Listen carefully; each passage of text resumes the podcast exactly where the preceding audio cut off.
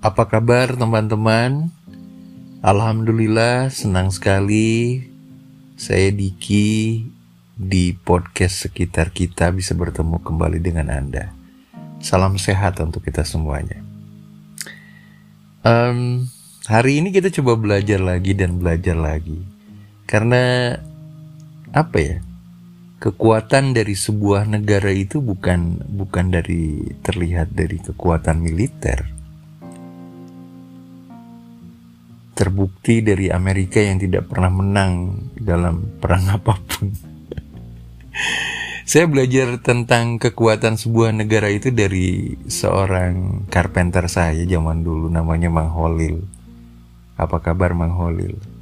Jadi kita waktu itu bercerita tentang apa ya, tentang eh, karena waktu itu saya baru pulang dari Amerika jadi apa ngomonginnya itu tentang Amerika gitu tentang kehebatan kehebatan ya tapi eh, saya begitu terkejut ketika mendengar pendapat seorang Mang Holil yang dengan tegas menyatakan bahwa kekuatan sebuah negara itu bukan ditentukan oleh kekuatan militer pak katanya tapi kekuatan dari kemampuan belajar dan mengajar dari bangsanya. Saya kaget waktu itu karena memang dan saya langsung menyetujui hal itu dan karena betul sekali gitu. Kemampuan belajar dan mengajar dari bangsanya lah yang akan membuat negara tersebut kuat gitu. Dan kita pun mudah-mudahan bisa berpikir seperti Mang Holil gitu, terutama pejabat-pejabat negara yang uh, terutama di bidang hukum tiga pilar hukum inilah yang harus uh, benar-benar di dibenahi terlebih dahulu gitu karena tiga pilar hukum itu adalah kepolisian, kejaksaan dan pengadilan. Ketika itu dibenahi dengan baik dan benar, saya yakin insya Allah ini akan uh, memperbaiki kehidupan bangsa dan negara ini. Ya kita coba belajar lah, belajar, belajar dan belajar. Hari ini kita belajar tentang kesabaran, eh, karena sabar itu ilmu tingkat tinggi. Belajarnya setiap hari, ujiannya setiap saat. Terus ya sabar itu memang harus kita punyai dalam kehidupan ini kita belajar dari wortel, kentang, dan kopi. Pernah dengar cerita ini? Jadi ceritanya suatu ketika dengan langkah lesu dan wajah sedih, seorang anak mengeluh kepada ayahnya. Ayah, aku tidak tahu harus berbuat apa lagi.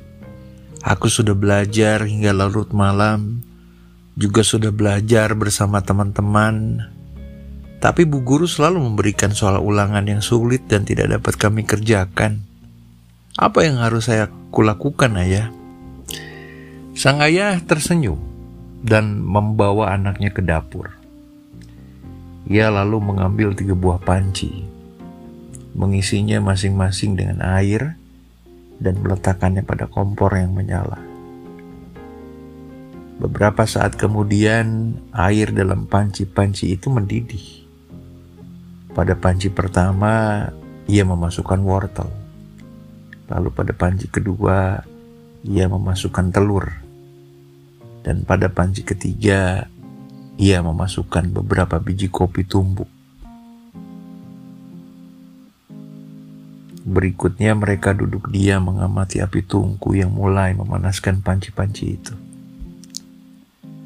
Sudah setengah jam berlalu. Si anak mulai tidak sabar apa selanjutnya yang hendak dilakukan ayahnya.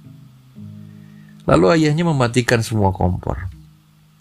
Menaruh wortel, telur, dan biji kopi di mangkok berbeda yang telah disiapkan sebelumnya. Lalu bertanyalah ia kepada anaknya.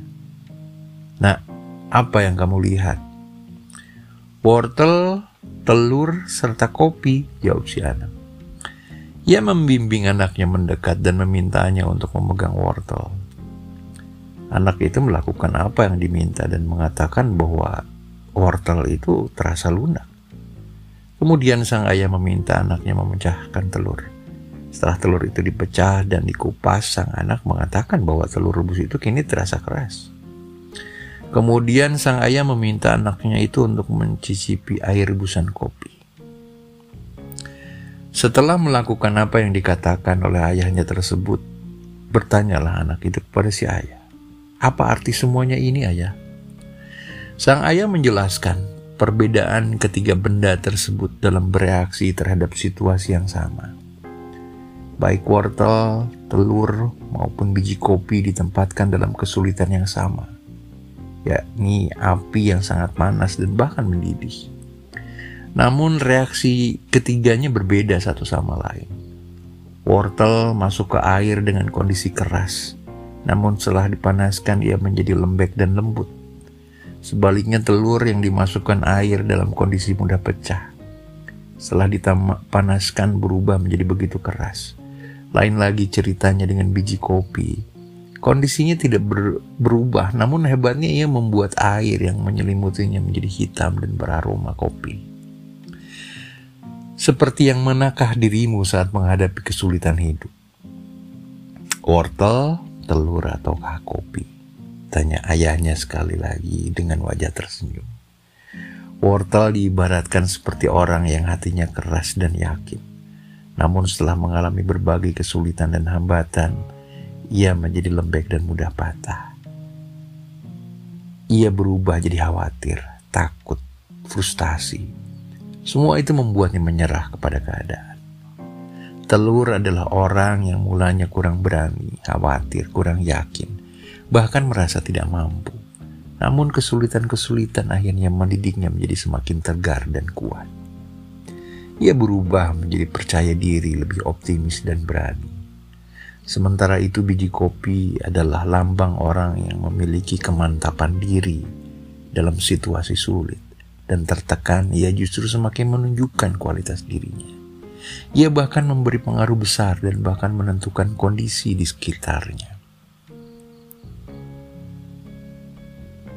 Moral lesson dari cerita ini, kita belajar bagaimana cara kita dalam menghadapi kesulitan serta tantangan yang ada dalam hidup ini.